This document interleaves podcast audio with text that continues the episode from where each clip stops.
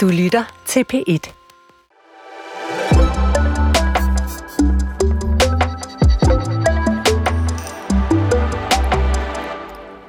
En gang var fremtiden noget med flyvende biler, onde robotter og rummad i tuber. Nu kan enmandsdroner være din næste taxa, en velfærdsrobot, din gamle mors mest kærlige sosu, og faktisk kan man allerede i dag sætte tænderne i en ribeye-bøf, der aldrig nogensinde har siddet på en ko. Her på Fremtiden på P1 er vi nysgerrige på alt det nye. På alle de opfindelser, tanker og teknologier, der stikker næsen frem i de her år – det kan være fremtiden for skolen, for mad, landbrug, hjernen, eller i dag om noget, som vi slet ikke kan undvære. Det vil i hvert fald gøre vores hverdag meget mere besværlig. Vi skal nemlig tale om vores sprog. Det danske sprog mere specifikt, og ikke mindst dets dialekter. Prøv at høre, hvad den kunstige intelligens ChatGPT får ud af det, hvis vi beder den om at skrive et scenarie fra år 2123 om det danske sprog. Om 100 år har det danske sprog gennemgået en bemærkelsesværdig udvikling. Det er blevet beriget af ord og udtryk fra en bred vifte af fremmedsprog, herunder engelsk, spansk, kinesisk og arabisk. Disse låneord har smeltet sammen med det danske sprog og skabt en unik sprogblanding. Samtidig er visse ord og udtryk forsvundet fra daglig brug, da de ikke længere har relevans i det moderne samfund. Ord som faxmaskine og telefonboks er blevet erstattet af mere avancerede teknologier. Kommunikationsteknologier og globalisering har skabt behovet for et nyt sprog, der kan udtrykke den moderne tids realiteter. Dette danske sprog af fremtiden er et levende eksempel på kulturel udvikling og tilpasningsevne. Man siger jo, at ChatGPT øh, laver sådan en tværsnit af, hvad den øh, lige kan finde på nettet, og jeg ved sørme ikke, hvad for øh, et obskurt hul den har været nede i for at finde ordene faxmaskine og telefonboks. Michael Ejstrup, øh, det var nogle lidt gammeldags ord, ChatGPT ja. fandt på. Ja, faxmaskine, det vil jeg i hvert fald nok ikke selv bruge. Det hedder en fax, øh, og den, øh, den er død. Den bruger vi ikke mere. Ja. Men telefonboks, der er jeg ikke enig med den, fordi dem har vi jo stadigvæk. Nu er de bare uden telefoner, fordi dem har vi selv med. Ja. De hænger rundt om som sådan nogle lydtætte ting, er forskellige, i forskellige fasonger, øh, hvor vi selv har en telefon med. Ja. Men øh, jeg kalder dem stadigvæk telefonbokser. Det, det kan jeg også se, det er der mange unge mennesker, der gør, fordi der går de ind og ringer. Øhm, er der ellers noget i det her scenarie, vi hørte her, som du kan se for dig øh, er realistisk? Næsten det hele. Ja. Sådan har det altid været. Altså, fremtiden ligner fortiden. Ja. Søren Hein Rasmussen, øh, ChatGPT, øh, kan åbenbart ikke øh, ligefrem lave et eksempel på, hvordan sproget kunne lyde i øh, år 21-23. Kommer det bag på dig? Nej, det gør det ikke. Men jeg synes til gengæld også, at den er noget banal. Ikke? Altså, ja. Den fortæller os, at vi får nogle nye ord, fordi der er nogle nye funktioner, som skal forklares, og så ja. er der noget, der glider væk. Det behøver man sgu ikke at få kunstig intelligens til at regne ud. det kan en helt almindelig øh, organisk ja, intelligens kan, fortælle Det kan en simpel historiker også fortælle. Nu bringer du mig øh, belejligt over til en ordentlig præsentation af jer. Øh, det, den person, du hørte her, øh, var Søren Hein Rasmussen, som er forfatter og historiker, og øh, også en del af et øh, stort øh, sprogformidlingsprojekt øh, kaldet Som man siger, som I lige kan få lov til at sige lidt om sammen om et øjeblik. Det har du øh, nemlig lavet med blandt andet øh, Michael Ejstrup, som var den første stemme, I hørte, øh, lingvist, sprogforsker, og øh, altså også øh, en del af det her øh, sprogformidlingsprojekt. Hvad er det for et projekt, Michael Leistrup? Det er et projekt, vi fik lyst til at lave, fordi vi synes, der mangler noget generel information om sprog, og specielt om forskellighed i sprog, og, og hvor forskelligt vores sprog rundt omkring i vores lille land stadigvæk er. Det søgte vi så Nordea-fonden om at få lov at få 4 millioner til at gennemføre, og det fik vi. Så vi har brugt tre år på at lave 50 shows 50 meget forskellige steder i mm. Danmark. Mm. Vi har lavet 30 podcast med meget forskellige sproglige emner. Lige fra sygdomme til talefejl til øh, folk, der fortæller øh, om, hvor godt et sprog de har og alle mulige ting. Og så har vi lavet et Danmarks kort, hvor danskere er blevet opfordret til at indtale deres eget sprog og lægge deres stemme til eftertiden, så vi om 100 år kan høre dem. Og så vil nu kan vi jo desværre nok ikke høre det, men så kan vi trække på smilebåndet mm. og sige, talte de virkelig sådan? Ja, ja det gjorde de. Ja. Og det, er, det, det blev så en, øh, et, en måde at jagtage, hvilke dialekter vi har, og hvordan de lyder. Ja. Men ja. det bliver selvfølgelig også en måde at registrere, øh, hvordan sproget er en refleksion af, hvad det er for en verden, som det betegner. Ja, og det var jo mere end dialekter. Altså, det var jo, der var jo eksempler på, hvordan taler du, når du skal interviewe andre mennesker til en radioudsendelse. Ja. Der var jo eksempler på øh, Jarlasprog, eller hvad vi nu skal kalde de her indvandrere, øh, øh, øh forskellige sproglige nuancer. Ja. Så på den måde var det jo et rigtig bredt projekt. Ja, spændende. Er der, øh, er der en dansk dialekt, øh, Michael Ejstrup? Du, du er god til dialekter. Du har lige gættet, øh, du har lige gættet hvor øh, jeg kom fra, alene baseret øh, på, på, på min dialekt. Det var ikke så svært. Lidt, lidt nord for København, og, men, men alligevel ikke så langt nord for København, at der er gået mad i den. Nej, så, ja, nej. Ja. Øh, hvad, har du en dialekt, som øh, er din foretrukne?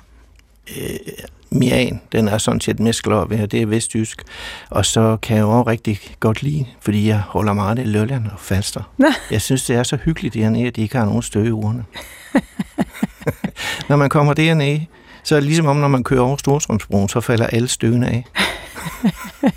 de er blevet tabt ned, ned, og det ned i vandet over broen. Har du en foretrukken dialekt? Søren Nej, det synes jeg faktisk ikke. Altså, hvis jeg kan lide mennesker, så synes jeg, de taler rigtig pænt. Ja. Selv taler jeg jo udbredt aarhusiansk. Det må man skyldes sige. uformåenhed. Altså, jeg kan simpelthen ikke lære andet. Altså, jeg har virkelig forsøgt tit, især min ungdom, ikke? Altså, fordi det var sgu skamfuldt at komme til København og tale sådan her, men jeg kan ikke. Nej, og gudskelov for det, må jeg sige, øh, fra et helt personligt synspunkt. Jeg kan ja. vældig godt lide dialekter, alle sammen. Undtagen enkelte. jeg kom til at afsløre tidligere, at jeg har det lidt mere stramt med randrusiansk end med andre dialekter, oh, ja. men jeg, jeg ved ikke rigtigt, om det er på grund af nogle personlige oplevelser. Oh, ja. Nå, men det skal vi ikke hæfte os ved. Øhm, som historiker, hvorfor er det så, så interessant at, at kigge på sproget, når vi skal se på, hvordan øh, samfundet udvikler sig? Jamen altså, sprog er jo noget af det mest dybgående, der ligger i os, ikke? Altså, vi, vi, vi ikke bare udtrykker i sprog, men vi, vi fortæller jo, hvem vi selv er, og vi danner jo også os selv igen sprog. Den måde, som jeg øh, sprogligt præsenterer mig på, øh, er jo også med til at danne mig selv. Så på den måde synes jeg, at sprog er helt centralt, altså når vi taler om historisk udvikling. Og så er det selvfølgelig spændende, altså øh, når man ser på, hvornår har der været nogle store sproghop, og hvad er det egentlig for noget, der er sket i de der hop, og så tænke frem på, hvordan pokker kunne sproget udvikle sig herfra. Hvad kunne et, et stort sproghop for eksempel være?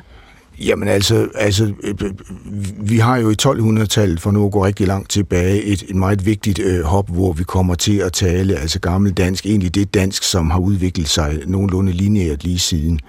Øh, det synes jeg måske er det allervæsentligste øh, hop, og det er faktisk en lille smule svært at forklare, hvorfor det kommer, men vi ved, at det jo kommer i forbindelse med meget, meget, meget store ændringer i det danske samfund øh, bopladser, der bliver opgivet, nye byer, der bliver dannet osv. osv. Så altså sprog og, og øh, hvis det skal være så radikale ændringer, som, som det hop, der kommer der, så er der altså også radikale ændringer i selve den levevis, hvordan, hvordan, som Hvordan talte man før, øh, før den, Der taler man jo, øh, øh, øh, øh, ja, vi kunne kalde det urdansk, altså, altså det dans, som øh, opstår ud af oldnordisk, ikke? Altså sådan et eller andet øh, mellem 800 og 1200-tal, som, som, som vi ikke i dag umiddelbart vi kunne forstå. Men med træning i hvert fald, vi vi godt kunne læse eksempelvis jyske lov. Mm. Jeg har faktisk taget et lille stykke fra øh, Jyske Lov med her, og det er jo en omskrevet form. Øh, der er ganske vist nogle ord, vi måske ikke bruger så ofte, men det lyder relativt øh, meget som nutidigt dansk, og det tror jeg må være, fordi der har lavet en, en redigering. Det her er fortalen til Jyske Lov, og den lyder sådan her. Noget, det, de første ord vil man genkende. Med lov skal land bygges, men ville enhver nøjes med sit eget og lade andre nyde samme ret, der behøvede man ikke nogen lov men ingen lov er jævngod at følge som sandheden, med hvor man er i tvivl om, hvad der er sandhed, der skal loven vise sandheden. Jamen det er da ikke særligt omskrevet, altså vi har fået, øh, fået øh, vi har stavet ordene lidt anderledes, ja. så vi bedre kan følge med i dag, men det er jo sådan set den måde, det er skrevet på. Ja. Lidt kringlet, synes jeg. Ja, lidt kringlet, altså bevares, altså vi er jo blevet smartere siden, ikke? Men, men, men det er jo ikke uforståeligt, det her. Nej, nej. Det, er jo, det er sådan set det, der er pointen, at siden 1200-tallet har dansk ikke været, det, det, har, været, det har udviklet sig lineært, der er kommet nye ord ind, men, men strukturen i sproget er jo sådan set på plads. Og hvad er det, vi taler om, øh, når vi nu taler, Michael Ejstrup, om strukturen i sproget?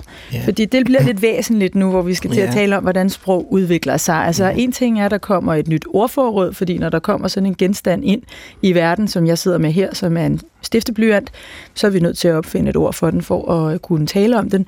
Det er en ting, det er en udvidelse af ordforrådet. Men hvad er strukturen på sproget? Hvad mener vi, når vi taler der, om det? Der sker jo en stor forandring med dansk i form af, at vi går fra at være en bøjnings et bøjningssprog til at blive en uh, ordstillingskultur. Ja. Sådan så det er ordstillingerne, der afgør, hvordan vi forstår sætningerne frem for, uh, at vi bøjer alle ordene i kasus og ja. personer og tal ja. osv. Det falder frem. Så det vil sige, det er nærmest rækkefølgen, hvor med ja. ordene kommer ja. i sætningen. Han har nok ikke betalt. Eller han har ikke... tror jeg. Ja, hvis man siger, han har nok ikke betalt, så betyder det noget andet, end han har ikke betalt nok. Ja eller han har nu ikke betalt, eller han har ikke betalt nu. Ja. Det betyder også noget andet. Ikke? Ja.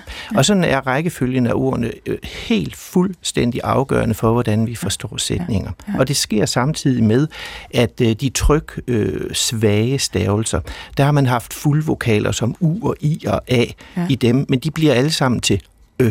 Ja. Altså det hedder ikke synga, men synge, eller bare synge. Hvis det var mere kasusbestemt, hvordan ville det så være?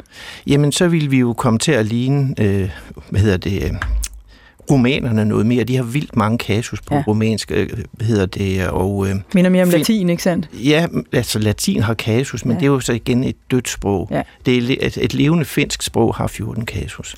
Oh. Ja, men det er også et helt, en helt anden sprogstruktur. Om... Men i og med, at de der vokaler falder fra, så ryger kasusendelserne, fordi nu kan man ikke længere høre, hvad det er. Ja. Og så låser vi det fast i en ordstilling i stedet for. Ja. Hvordan kunne du høre den her tekst, jeg lige læste op, var fra 1241? Øh, jeg kunne heller ikke høre, den var fra 1241, men jeg kunne høre, at det var en lovtekst, ja. fordi lovtekster har altid haft noget, der er ret modsat vores almindelige sprog, nemlig at udsangsordene kommer til sidst i sætningerne, mens vi i vores almindelige talesprog helst vil have dem hen på en første, anden, tredje plads, hvis det kan lade sig gøre. Og så er der nogle ord, som er gammeldags. Man kan sige, at vi kan godt forstå dem, vi kan sådan folke etymologisk godt regne ud, hvad de betyder, men vi bruger dem ikke mere. Ja. Vi øh, skal tale lidt om, øh, hvor sproget er, og derefter så øh, prøver vi at, øh, at kaste pilen lidt ud i fremtiden, og til sidst meget langt ud i fremtiden, hvis vi kan.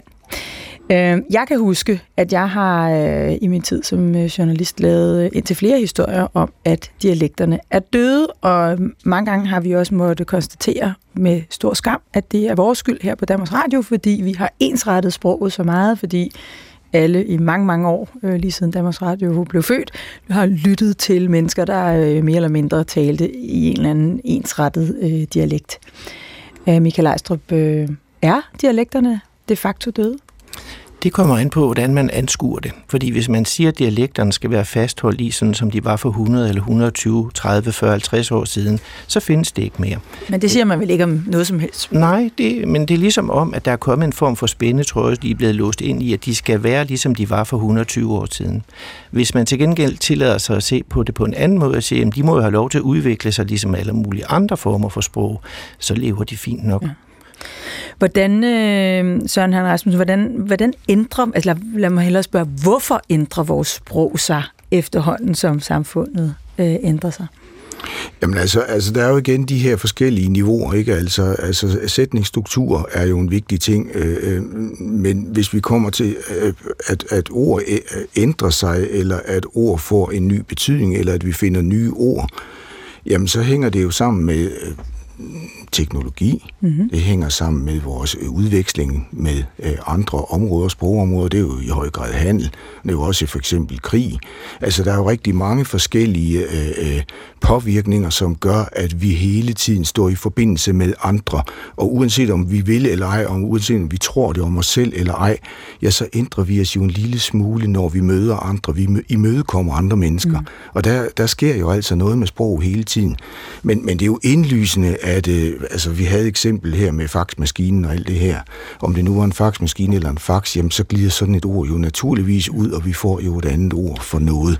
Det, det, det er jo banalt også, ikke? Så man kan sige, øh, inden for forskellige, forskellige videnskabelige kredse er det hensigtsmæssigt, at man har en diskurs at tale i, sådan at man er meget sikker på, at det er nøjagtigt det samme, man taler om. Jo, men altså, altså men det er jo klart, når... der er jo domæner, ikke? Altså ja. forskellige områder har jo sit eget, eller får jo sit eget, øh, sin egen sprogbrug til en vis grad i hvert fald. Altså, der er jo naturvidenskabelige domæner, der, der, der kan være øh, jura nævnte vi før, altså det jyske lov var en, en, en juridisk tekst. Øh, det er jo klart nok. Men hvorfor er det, at vi så har brug for at... Øh, altså, nu ser man ser måske en bestemt gruppe af unge mennesker. Nu, sagde, nu kaldte du før, hvad sagde du, der var noget, der var et jalla-sprog, eller ja. med en bestemt form for øh, Jamen, indvandrere, eller i det her, efterkommere ikke? Altså, indvandrere. Der er gruppedannelse. Vi bekræfter jo hinanden, når ja. vi taler. Øh, okay. Og i det øjeblik, vi imødekommer hinanden, så bekræfter vi jo hinanden, og øh, føler vi os på en eller anden måde gruppe øh, be, beslægtet. Altså, altså, altså, som om vi skal tilhøre en bestemt gruppe, jamen så taler vi også på en anden måde. Ja. Du taler jo rimeligvis ikke på samme måde hjemme i din familie, som du vil gøre, når du sidder her og taler Nej, øh, i radioen. Så vi er jo alle sammen i virkeligheden jo også med i mange grupper, og dermed også med i mange sprogfællesskaber. Jeg vil for lige sige, når nu øh, Michael fortæller om øh, de her dialekter, der udvikler sig, at sådan en som mig, der jo bliver genkendt meget nemt på grund af min øh, accent, øh, blev kontaktet af et øh, projekt, som skulle dokumentere dialekterne, inden de uddøde, og jeg skulle så øh, være øh, repræsentanten for den oceanske dialekt, men jeg blev forkastet, for jeg talte ikke oceansk nok. Og det er jo noget at gøre med, at, at dit sprog jo også skifter. Altså, altså, man havde jo en idé om, hvad rigtig oceansk var, det var ikke mig, selvom jeg jo altså i Aarhus jo så at sige er aldeles typisk. Ikke? Så på den måde er der jo også en, en, en dialektal udvikling, som foregår også inden for det enkelte menneskes liv. Ja. Altså, jeg taler ikke ligesom jeg gjorde, da jeg var barn, og det ved jeg, fordi det har jeg jo på bånd. Ja, og det, øh, og det skyldes øh, påvirkning forskellige steder fra de forskellige steder, ja, du nu har, øh, har bevæget dig. Og, altså uddannelse, øh, påvirkning i, i, i, i alle mulige henseender. Der er også påvirkninger fra, øh, du, du nævnte Danmarks Radio. Det er da klart, at Danmarks Radio har haft en betydning også for mit sprog. Det helt store grundlæggende spørgsmål øh, er vel, hvad, hvad påvirker hvad? Fordi man kan sige, når der, når der opstår et fænomen i verden, får vi brug for at sætte ord på det. Men findes det fænomen overhovedet som noget, der er værd at tage i betragtning, hvis ikke der findes sprog for det? Altså, hvad kommer først, sproget eller udviklingen i verden?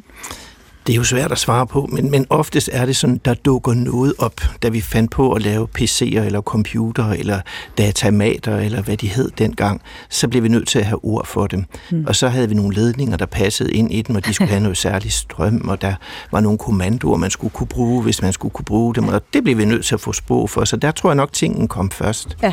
Så er der de mere luftige elementer, men de er øh, ofte knapt så flygtige, så som vrede og væren ked af det, og alle sådan nogle ting, dem har jeg på fornemmelsen, at vi holder fast i. Og når man kigger langt tilbage i vores sproghistorie, så hedder øjne og ører og fødder og sorg og lignende næsten det samme. Ja.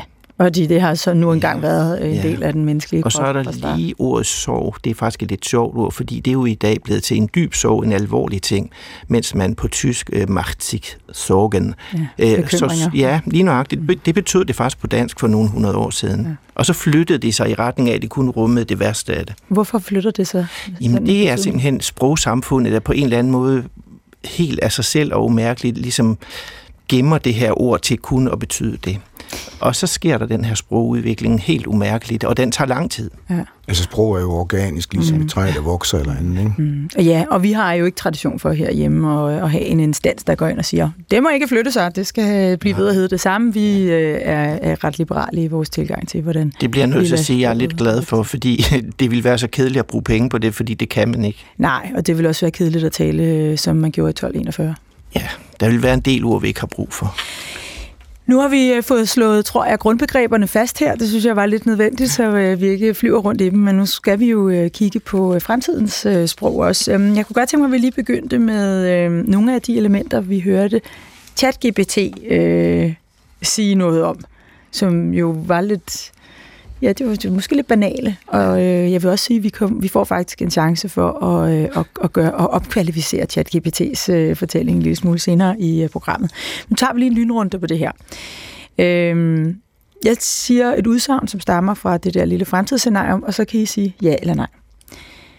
Øh, det danske sprog, og i det her, nu er det jo altså i 21-23, det danske sprog har fået nye låneord fra kinesisk, spansk og arabisk. Hvad siger du, Søren?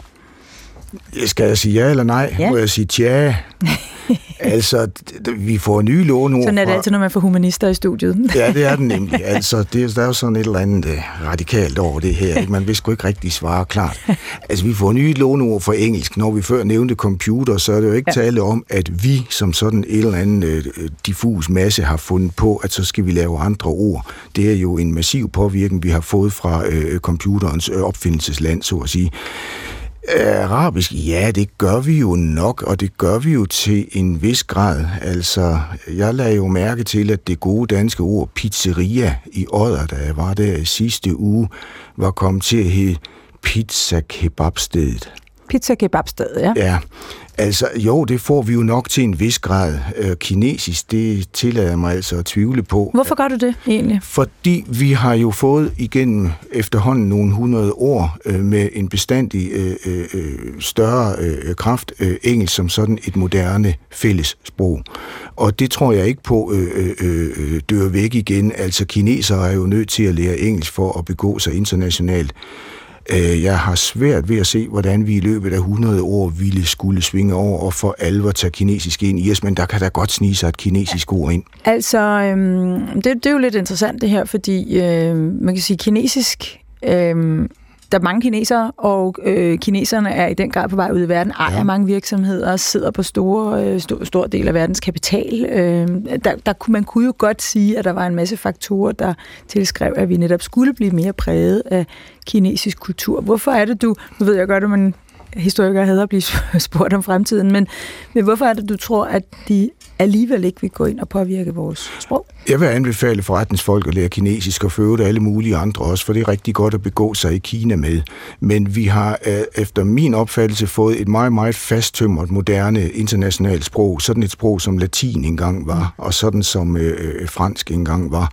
Og det er engelsk, og øh, overalt i verden har man forskellige udgaver af engelsk, øh, som er et internationalt øh, kommunikationsbrug. Og jeg har svært ved at se, hvordan man i løbet af Ja, 100 år er jo lang tid, men jeg har svært ved at se, hvorfor at det grundlæggende skulle ændre på sig, fordi vi vil jo ikke få et Kina, som udfylder sådan en rolle som først det engelske imperium, og så øh, USA øh, øh har haft igen to 250 år. Ikke så hurtigt i hvert fald. Det tror jeg ikke på. Nu blev vores lynrunde alligevel en lille smule øh, mere langstrakt. Lad os øh, prøve at se, om vi kan komme tilbage til, til, til den tempofyldte lynrunde. Øhm, Michael Ejstrup, ord som faxmaskine og telefonboks er forsvundet. 21 23. Nej, ikke telefonboks. Ikke telefonboks, det tror du stadig vil, vil eksistere i ja, 21 fordi vi har jo fået dem uden telefoner nu. Ah, ja, skråstreg nej. Øhm, sproget tilpasser sig den kultur, der eksisterer i samtiden. Ja, det gør det jo. Det, det kan det- man jo kun sige. Ja, Det er det, det skal. Ja, det er det, det skal. Ellers eksisterer det ikke. Nej. Det, Kort, ja. det skal. Det var en af banaliteterne på ChatGPT's side. Det er nok også en af dem, vi skal have luet lidt i.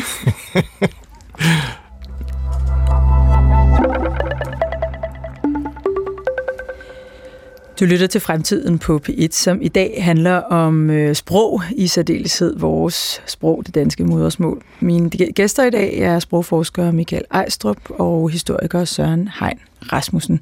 Nu springer vi ud i det. Lidt, lidt øh, år frem skal vi kigge. Øh, Søren Hein Rasmussen, øh, helt bredt sagt, hvilken retning tror du, at det danske sprog vil udvikle sig øh, i, øh, i de næste par årtier?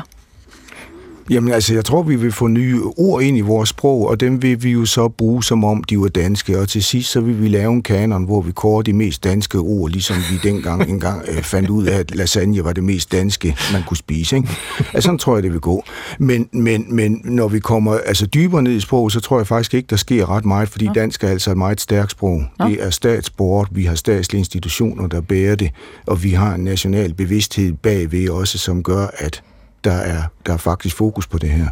Så når øh, masser af virksomheder, også danske virksomheder, siger, at øh, deres corporate language er English, så er det ikke noget, der udgør en trussel for det danske sprog. Jamen altså, der er det jo igen, altså det er jo domænesprog. Altså selvfølgelig vil, vil, vil man inden for øh, international business øh, i højere grad end i dag også have øh, et, eng- engelsk som øh, et, et fælles øh, sprog.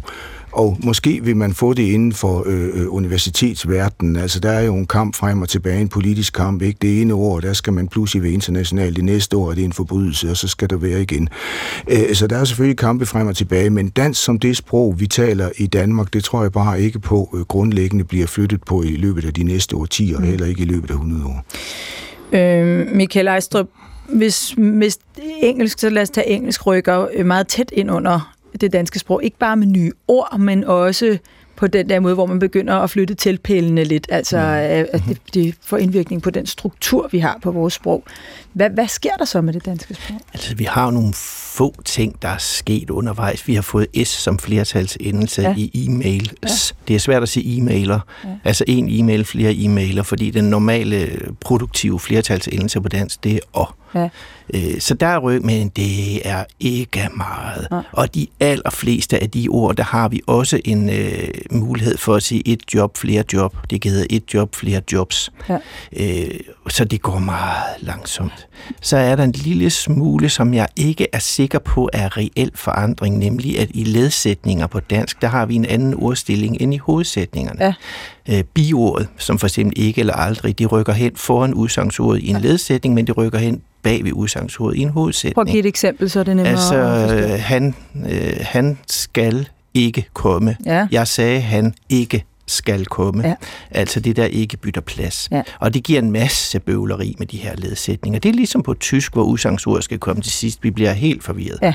Der er der ved at ske det, eller måske er det en meget, meget gammel skade, at at-sætninger og fordi-sætninger, der er vi meget tilbøjelige til at have ret øh, hovedsætningsordstillinger. Det har man på engelsk. Ja. Han, øh, han, sagde det, fordi, han sagde det, fordi han ikke ville med. Han sagde det, fordi han ville ikke med. Ja, begge ja. dele kan gå, ikke? Ja, det kan det. Ja, for mig lyder det en lille smule som noget børnesprog. Ja, men det gør det ikke for mig, ja. for jeg siger det selv. Ja. Så det vil jeg helst ikke have. Er det fordi, du er vestjyde, du siger sådan? Nej, det tror jeg, nej, det tror jeg sgu ikke. Mm. Er det et problem for, for sproget, når man begynder, altså når, når det ligesom er teltplæt, øh, teltpælene, som jeg kalder det, altså strukturen, der bliver mm. påvirket af altså, så sker der jo det, man kan kalde en grundlæggende forandring med nogle ting. Ja. Men jeg synes ikke, det er noget problem, fordi vi har allerede repareret det. Ja. Fordi hver eneste gang, vi har en ledsætning, så starter vi jo med at sætte et at ind. Det hedder, når at han ikke vil med, eller fordi at vi ikke kan komme, eller hvis han hun ikke vil det. Ja. Eller som at der ikke et eller andet. Ja. Så det der lille at, det er rykket ind og har repareret det. Ja. Og det sker altid med sprog, når der sker noget, der kunne danne ulykker, fordi nu kan vi ikke længere finde ud af det, fordi nu bliver det for ens. Så reparerer vi, så kommer der noget nyt, ja. og det gør vi også hele tiden. Mm, kan, kan man ikke gøre sproget øh, svært at lære, når der, når der kommer så mange blandingsformer? Altså, så var der den oprindelige struktur, og nu kommer der noget ny struktur, og bliver det ikke så uregelmæssigt, at det er svært at tilegne sig? Det er der jo nogle børnesprogsforskere, der gerne vil have komma, men jeg tror, det er forkert. Punktum. det er jo også en sær opfattelse af sprog, ikke? Altså, for det første er vi jo nært beslægtet med engelsk. Ja. Altså, det er jo ikke sådan, at du ja. har et sprog, der øh, øh, kommer langt væk fra Nej. og slår hul i øh, øh, den øh, sprogopfattelse, som vi har. Men for det andet er det jo også noget, altså det er jo, sprog er jo noget sært flydende noget. Vi kan godt fixere og lave ordbøger og lave dansk sprognævn, men vi ligger jo også sådan i, i nogle, altså et kontinuum af, af sprog, der jo øh, øh, nemt kan, så at sige, flakke over i nabosprog. Ja. Så, så den her, altså hvis nu man forestillede sig, at det vi blev påvirket af pludselig strukturmæssigt var finsk, eller noget semitisk, eller kinesisk for den sags skyld, så vil man begynde at kunne tale om en, en radikal forandring af det danske sprog. Vi er jo sindssygt heldige med, at det engelske har tilraget sig den status, fordi, fordi det, det er et sprog, der ligner vores. Ja. Om os, der taler vesttysk, der er det jo omtrent det samme. Hvilket var lige, hvad jeg tænkte på, da jeg sagde kontinuum. Altså, når du kommer ud til vestkysten, så begynder vi jo at tale halvvejs engelsk i virkeligheden. Bare med en lidt fed dialekt. måske skotsk. Eller, Jamen, ja. det er fordi, ja, det der vand har jo bundet os ja. sammen, fordi gamle dage, der fløj vi ikke så meget, der sejlede vi mere. Vikingerne fløj ikke, de sejlede. Og hvor sejlede de hen? Jo, de sejlede over til englænderne. Lad os dykke ned i de her dialekter så. Øh, nu, nu tager du fat i, i vestjysk. Er der dialekter, øh, eller andre dele af det danske sprog, som vi kender det, som du ser vil forsvinde de kommende par årtier? Altså, det er meget svært at spå om, men der skete jo for eksempel det i Dragør, hvor vand jo samler, Ja. at de havde jo et sprog, som ligner det, de snakker over i Rønne. Ja. Så de snakkede nogenlunde på den her moden i uh, Dragør, men det gjorde ikke mere jo. Nej. Og det er fordi alle københavnerne har købt husene. Og det er det, der altid sker. Uh, befolknings...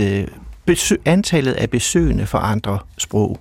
Så det vil sige, at hvis et område får vildt mange besøgende, og, og befolkningstallet i øvrigt er ret stort, så forandrer sproget sig hurtigt. Ja. Hvis der ingen gæster kommer, så forandrer det sig langsomt, og det bliver endnu langsommere, hvis der ovenikøbet bor få mennesker et sted. Ja. Herning, Esbjerg er de to gode eksempler, fordi det er sådan ligesom popcorn. Det, det, I løbet af 50-100 år, så sagde det bare puff, og så var gryden fuld. Ja. Hvor har de fået deres sprog fra? Ikke fra deres hjemmeegne, Nej. som er vestjysk og midtjysk. Derfra kom folk jo ikke, Nej. for der boede jo ikke nogen. De kom nordfra og østfra. Ja. Og nu har Esbjerg en motorvej til Kolding. Det giver vældig østjysk påvirkning. Og Herning har valgt at satse på motorvej til Aarhus og til Vejle, og ikke til Ringkøbing. Så det vil sige, at de arver sproget for Aarhus. Interessant. Øhm, kan man forestille sig, at der opstår, øh, nu har vi snakket lidt om det, men regulære nye dialekter, eller hvad vil man så kalde dem? Sociolekter, eller hvad, hvordan vil man betegne dem? Det kommer lidt an på, hvem man er. Altså jeg vil sige, den dialekt, man havde på Nørrebro for 120 år siden, den er svær at finde i dag. Ja. Sonja fra Saxogade og, og Norma. Du kan tro, der vanker, hvis du falder ud af vinduet. Sådan er der ikke nogen, der taler mere, fordi det, alle husene og lejlighederne er blevet købt af nogle andre mennesker. Ja. Og det vil sige, at der er flyttet noget nyt sprog ind, og det, er- der er blevet sådan en mixture. Øhm, nu har vi øh, nu har vi talt lidt om, hvordan dansk øh, formentlig vil blive påvirket af, af engelsk, og, og det også med, øh, med, med låneord. Hvis vi nu bare nøjes med at tale om ordforråd et øjeblik. Øh, der er kommet computer, og for mange år siden kom der altså alle mulige forskellige aggregater, man kunne spille med. Nu er det iPod, iPad, øh, eller woke kan man være. Der findes nærmest ikke et dansk ord for woke af en eller anden årsag. Det er da også et godt dansk ord. Vi ved jo, hvad det betyder. Eller rettere, det er der ingen af os, der ved, men vi bruger det som skældsord altid. Bruger vi det som skældsord? Det, må gør da vi være, ikke. no- det må ah, være. du er så woke. Men, men du er også en midaldrende hvid Ja. mand, så du skal Ja, vel så ja, jeg det kan stoppe enhver skældsord. debat ved at sige, du er woke, så behøver jeg ikke sige mere. Eller jeg kan sige til min ven, at jeg sagde også bare, at hun er woke, så var den debat slut, og så griner. Jeg vil bære det som et adelsmærke. er, det stadig, er det stadig engelsk? Øh, nu talte vi før, at strukturerne for sproget øh, vil, vil stadig komme fra engelsk, men er det stadigvæk engelsk, vi vil låne fra? Altså, kan, kan, kan man ikke godt forestille sig, at der er andre sprog, som bærer en, en udvikling, øh, kommer man nogle opfindelser, kommer man nogle teknologier, øh, som, som har et andet øh, sprog end lige præcis engelsk, øh, som vi så kommer til at importere fra? Mm. Altså, vi- vi, har jo bestemt områder, som øh, bærer på nye teknologier, og som vi jo øh, bliver præsenteret for. Altså, Korea er jo et rigtig godt eksempel. Ikke? Ja. Sydkorea har jo inden for popindustrien lavet noget, som, som øh, øh, er nyt og som slår igennem øh, K-pop. Øh, men det er jo, øh, synes jeg jo påfaldende, at det jo går via engelsk, før det møder os. Og på den måde er engelsk altså et lingua franca, som er så stærkt, øh, så jeg har svært ved at forestille mig, at den magt, som øh, engelsk som et, et, et internationalt kommunikationssprog bliver brudt for alvor. Mm. Det, det må jeg altså sige. Og jo ikke mindst altså i Europa, hvor vi jo alle sammen, øh, er, eller næsten alle sammen, øh, tilhører øh, sproggrupper, som er forholdsvis tæt på hinanden. Mm. Der har jeg svært ved at se, hvordan eksempelvis koreansk skulle for alvor trænge ind i vores sprog. Ja. Andre, altså der var engang, vi importerede masser af, af, af ord fra fransk, øh, eller sågar fra tysk. Øhm, det, det sker ligesom ikke rigtig mere. Er der, er der andre sprog, man kunne forestille sig, som lå lidt tættere på vores eget, som kunne øh, afgive nogle ord til os? Altså, jeg er svært ved at se det. Ja. Ja. Altså, jo, altså, der kan da godt dukke et ord op i ny og næ. Altså, en overgang var alle unge, de var yber et eller andet. Jeg er yber cool, eller hvad det nu var, ikke? rigtigt, ja. Og det er jo selvfølgelig en eller anden øh, leg med, med, med tysk, så på den måde kan du da godt finde noget. Men vi får jo, øh, øh, øh, øh, har jo store indvandrergrupper, som ikke taler det samme sprog, men som jo, øh, når de slår over i dansk, jo får nogle fælles øh, træk i deres øh, sprogfornemmelse eller Ja. sprogforståelse. Jeg har en svigersøn, der er fra Irak. Når han taler med sin familie, så lyder det på en måde, men på dansk. I høj Ja. grad på dansk. Når han taler med mig, så lyder det på en anden måde, men jeg kan jo med det samme høre, når du kommer fra Aarhus Vest. Ja. Altså, der har vi noget på spil, ikke? Ja. Men man har jo man har jo eksempler på at for eksempel engelsk er blevet øh, har, har fået en form i, i, i bestemte sociale grupper. Øh, det kan være i amerikanske storbyer omkring London sågar, så man faktisk dårligt kan forstå det. Kan det ske på dansk? Ja, det kan det måske godt. Altså, vi havde jo for eksempel hele den her gangster-rap-scene, ikke? Altså, der er jo talt i et sprog, som jeg havde svært ved at forstå i hvert fald. Ja.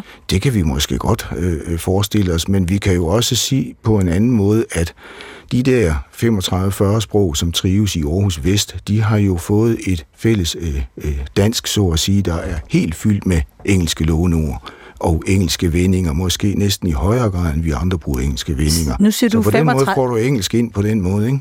Nu siger du 35 til 40 Ja, forskellige sprog. forskellige sprog Ja da, i Aarhus Vest. ja da. Okay. Hvad, Altså hvad, inden for det danske, øh, øh, øh, det vi kalder det danske sprogområde, vi kan ja. sige, at rigsfællesskabet ligger ja. der omkring 120 sprog, ikke altså? Og der har vi jo også en tendens til, når vi fokuserer så meget på øh, det danske sprog, og kan vi klare med os med det danske sprog, og hvad skal der ske i fremtiden, så undertrykker vi jo også til en vis grad folk, der kommer med andre sprog. ja, ja. Hvorfor gør vi det? Ja, fordi vi er et land, altså Danmark er et land, der er meget national øh, bevidst. Vi har en aktiv statslig politik for at bevare det danske sprog, og vi er jo gået ret langt. I Danmark har man jo i hvert fald i lange perioder prøvet at undertrykke muligheden for, at tosprogede børn kunne være tosprogede. Ah, sådan rent politisk mener ja? Ja, ja, det mener jeg da. Ja, Ja. Og, og, og, og det har selvfølgelig, tror jeg, skulle rette sig imod nogle sprog frem for andre, men konsekvensen har jo været, at man forsøger at undertrykke øh, andre sprog, altså anden sprog inden for det danske område. Og så mm. har vi engelsk igen som det der særtilfælde, fordi det er man nødt til at bruge i det erhvervsliv, der er internationalt. Det er man nødt til at bruge i forskning, der skal være international. Mm. Der er nogle forskellige domæner, hvor man er nødt til at bruge engelsk. Mm. Og det har så også den særstatus. Ikke? Men selv engelsk er der jo kamp om. Ja. Altså vi har lige øh, fået... Øh, øh, øh, øh, en ny lov, der siger, at der skal være 2.500 flere engelsksprogede øh, øh, pladser på højere øh, uddannelsesinstitutioner. Men det er jo kun fem år siden, at man skar dem væk, og det er kun 10 år siden, at man forrige gang lagde dem til. Altså, der er jo også kampe om, om hvor meget man vil have af den slags. Ja. Mm-hmm. Når vi får øh, så mange øh, engelsksprogede uddannelser for eksempel, øh, så sker der vel det. Altså, der, jeg, jeg kender godt til folk, som faktisk ikke rigtig kan tale om deres fag på dansk, fordi de kan ikke rigtig ordene, og de kan ikke rigtig fagbetegnelserne. Bliver dansk så sådan et øh, lidt et hverdagssprog, og så har man noget andet, man kan Ja, bruge nu, i sit du professionelle... lægger jo næsten i spørgsmål, at domænetaber, det bliver bare sådan et hverdagssprog, at det er finere at tale om et fag på et universitet, end Ja, jeg tænker bare, der falder noget fra. at der kan godt blive nogle domænetab. Og de der domænetab, øh, dem har vi kendt til i alle årene. Præsterne og lægerne har talt latin. Øh, det er de så ved at holde op med, fordi vi har sagt til dem, det er vigtigt, Ah, at patienterne kan... Ja, altså... Vi har jo sagt til sygehusen, det hedder ikke oftalmologisk afdeling mere, det hedder øjenafdeling. Ja. Og gynækologisk obstetrisk afdeling, det hedder en kvindeafdeling. Mm. Det er vi gået øh, frem imod og synes er en god idé. Og de der domænetab, de kan godt eksistere i et stykke tid, men hvis det er et vigtigt område, som almindelige mennesker også har brug for at kunne begå sig indenfor, så plejer vi at gøre modstand, og så sker der noget, og så bliver det simpelthen fikset, så vi kan være med alle sammen.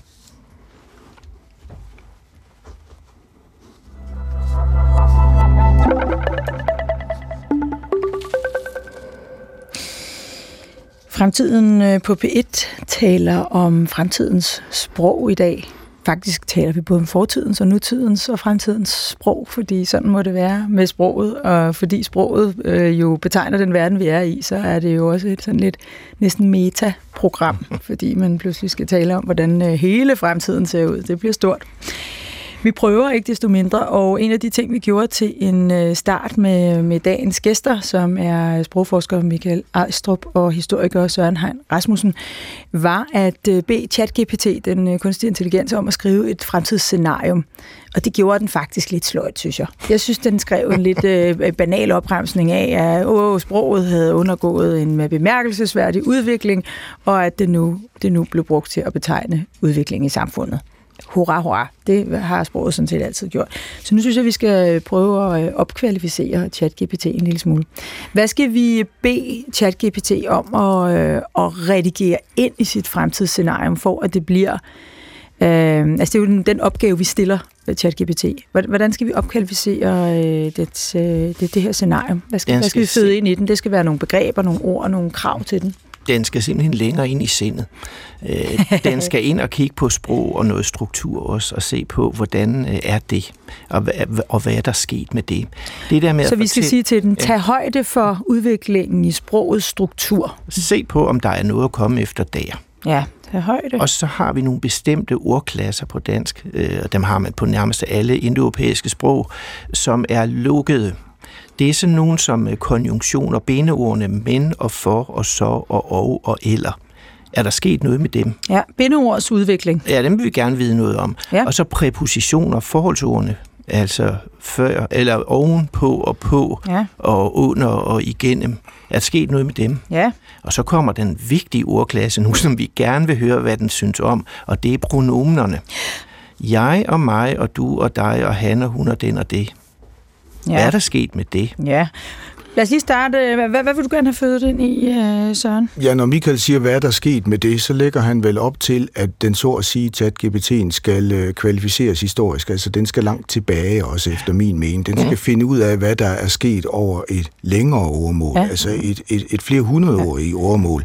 Men jeg synes egentlig også, at vi skulle tage og fodre den med noget viden om med samfundsudvikling. Ja. Uh, uh, det, det må jeg indrømme, altså, fordi den skal tage højde for den forventede samfundsudvikling hen over de næste 100 år. Ja, den skal gå ind og læse nogle af de prognoser, der er for ja. Øh, eksempelvis kinesisk økonomi, ja. amerikansk økonomi og, tage det med og så videre. Ja, det skal den da, ja. og den skal da gå ind og uh, læse politologi, så den er helt blå i hovedet.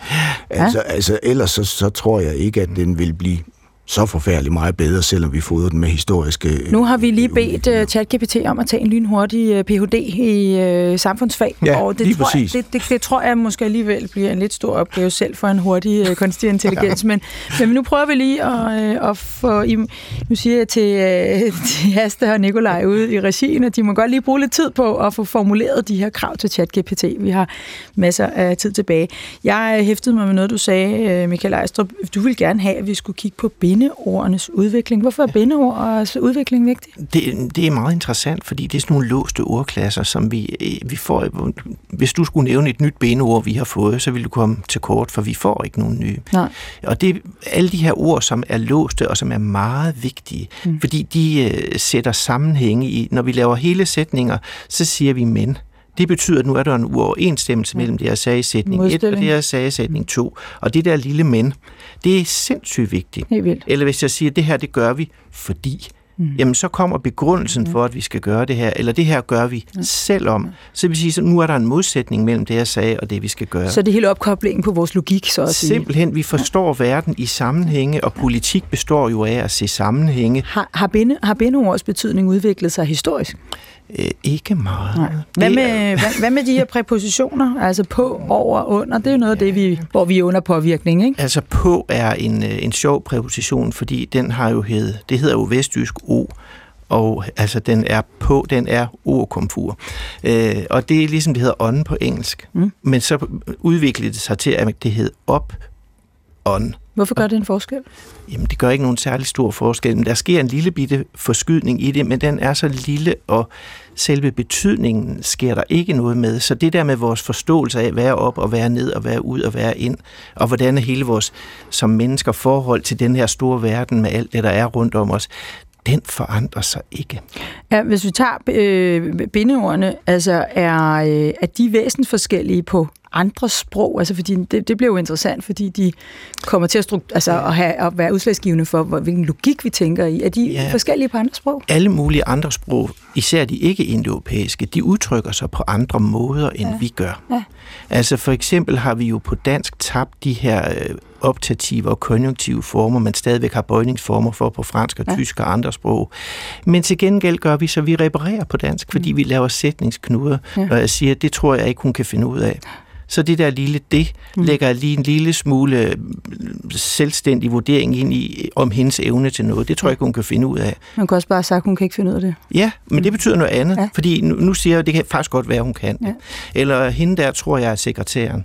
Og der ligger en i, det ved jeg faktisk ikke rigtigt, ja. men jeg tror, det er næsten sikker ja. på det. Ikke? Så vi reparerer på det? Vi reparerer på det, og det forandrer sig, men meget langsomt. Pronomenerne, er det fordi, at det er spændende, hvad, om, om der kommer nye til, fordi vi ja. gerne vil betegne nogen, der ja. ikke øh, hører til under de, øh, altså for eksempel de ja. køn, de, det binære kønsopfattelser, ja. øh, vi, vi har. Hvad, hvad, hvad kunne du forestille dig, der vil ske med, med pronomenerne?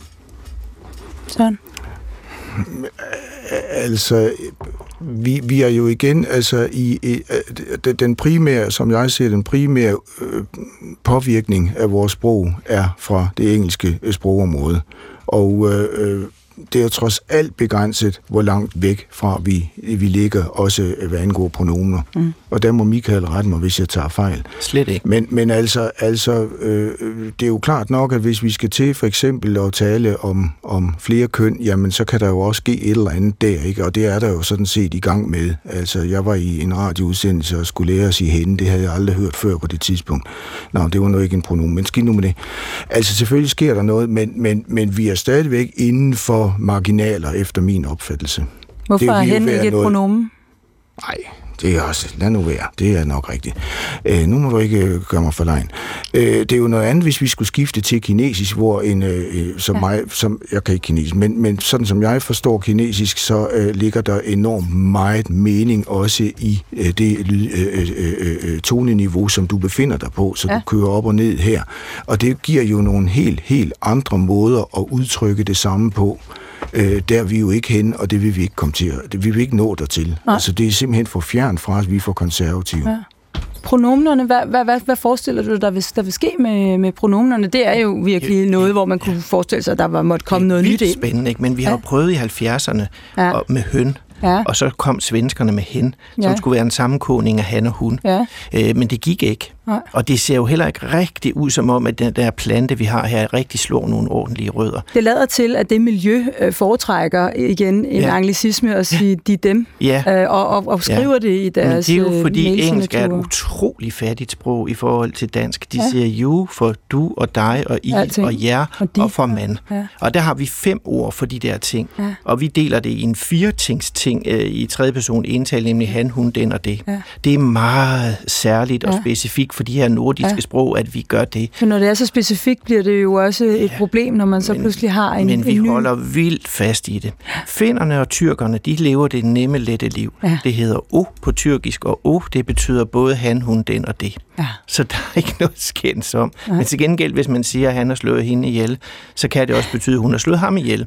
og det, det kan så give nogle andre problemer. Og så lægger de, øh, så, så lægger de øh, subjekt-objekt ind et andet sted. Ja, de bliver nødt til at bruge nogle navne ja. eller et eller andet, fordi pronomenerne kan ikke gøre det. Nej.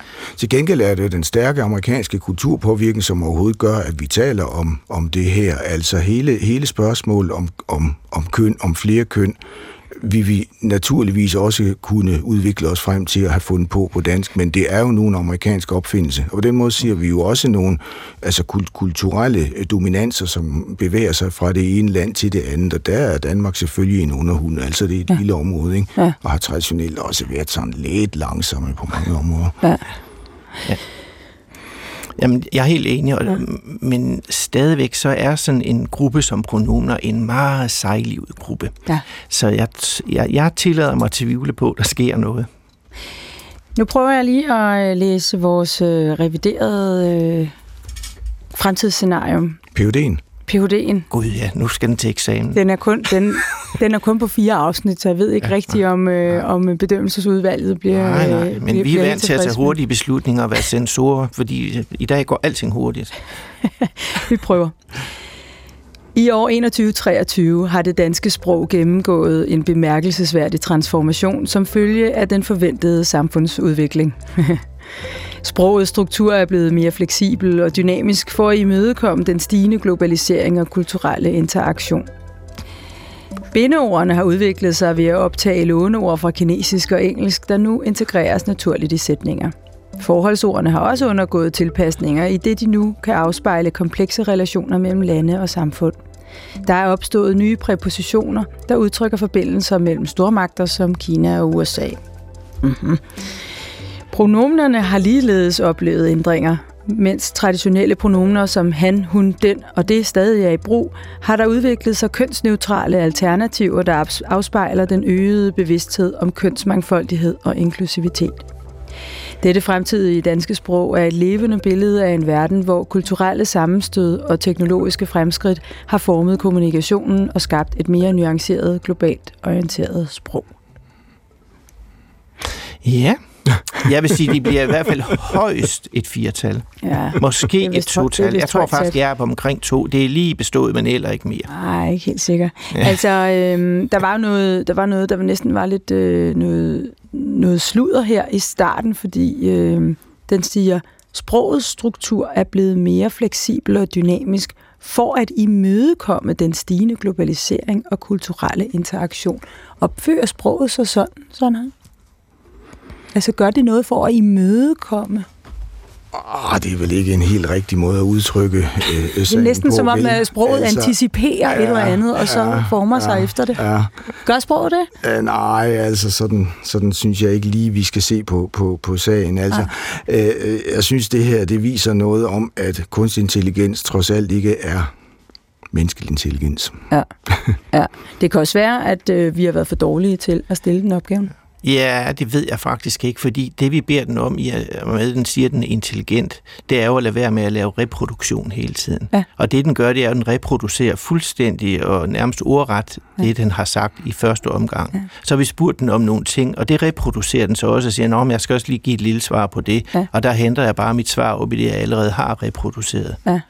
Det er en dumper. Det er en dumper. Høj, højst et total. Dumper man på et total? Nej, højst et total. Ah, ja. ja. Ja, jeg er ikke helt sikker på. Men det her med, det her med at... Øh, og så, så siger den, at bindeordene har udviklet sig ved at optage låneord fra kinesisk og engelsk, der nu integreres naturligt i Den har sætninger. spist noget, den ikke kunne tåle.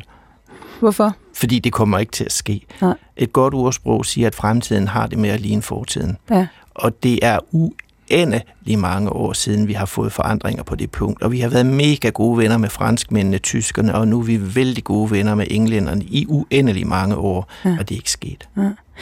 Nu har I lavet det her, øh, det her øh, sprogformidlingsprojekt, som man siger, og har optaget øh, nogle mennesker, der taler om et eller andet øh, i 2022 eller 23 ja, eller ja, på et eller andet 21, tidspunkt. 22. Ja.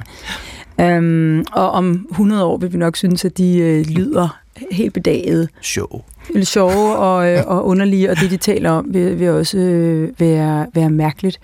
Mm, baseret på det, fordi nu, nu sidder vi og griner lidt af den kunstige intelligens, så nu prøver jeg den organiske intelligens. Kunne, øh, kunne I forestille jer, hvordan øh, man ville øh, tale om bindeord om øh, 100 år, hvis vi sad her i det her program? Altså, hvis min efterfølger sidder her om 100 år og Ja. skal udtale sig, så tror jeg, han vil sige omtrent det samme. Okay, Og det tror jeg også, han ville have sagt for 100 år siden. men vel ikke sproget ville vel lyde anderledes? Ja, lyden ville være anderledes, men, okay. men bindeordene og deres funktion. Ja. Nu er bindeordene jo sådan nogle små, korte, næsten enlydsord som og og eller. Ja, ja, Og men, men men- de er jo stadig strukturerende for, hvordan Det, vi det er det helt tænker. sikkert, men, men deres udtalen af den tror jeg næsten heller ikke vil forandre sig. Altså, de strukturerende elementer er jo netop dem, som har været på plads i i, ja, i, i, i, i 800 år, ikke? Altså, de flytter sig altså bare ikke sådan.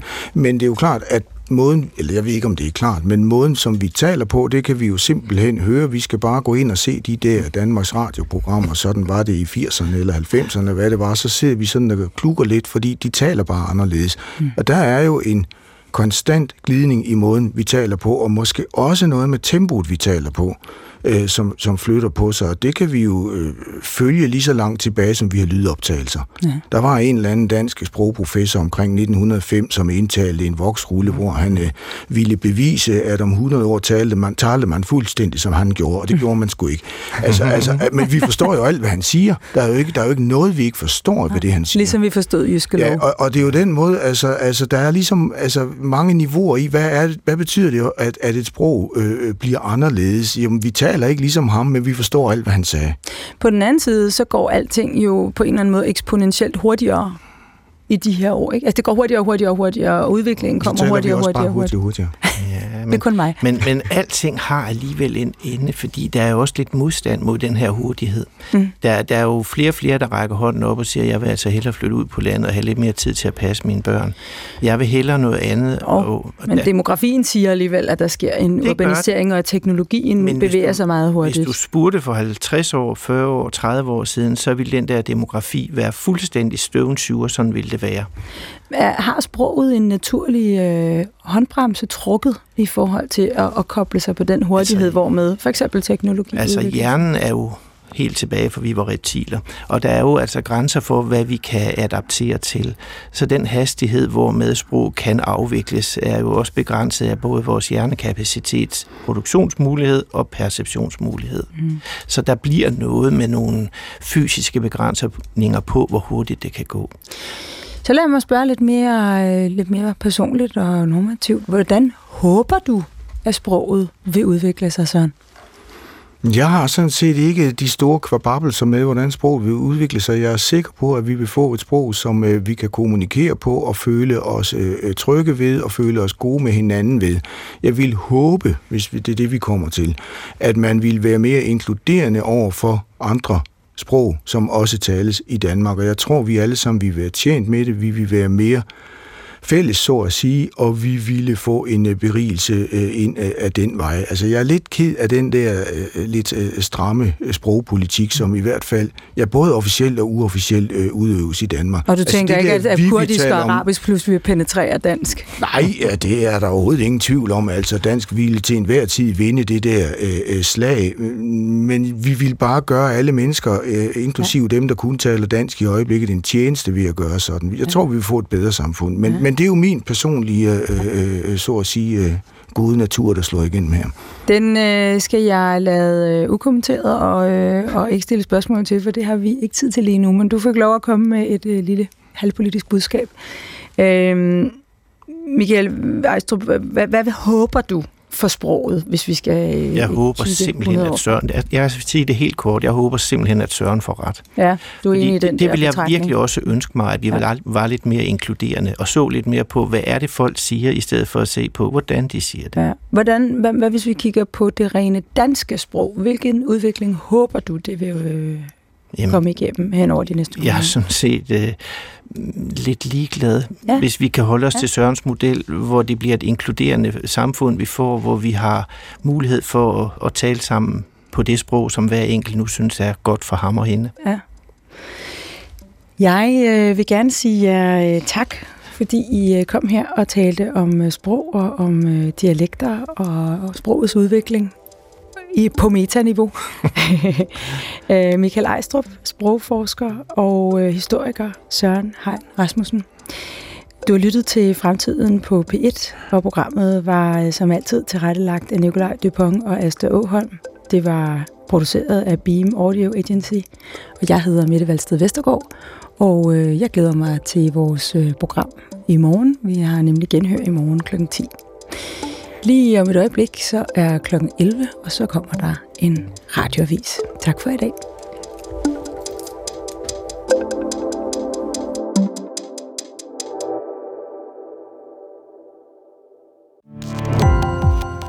Gå på opdagelse i alle DR's podcast og radioprogrammer. I appen DR Lyd.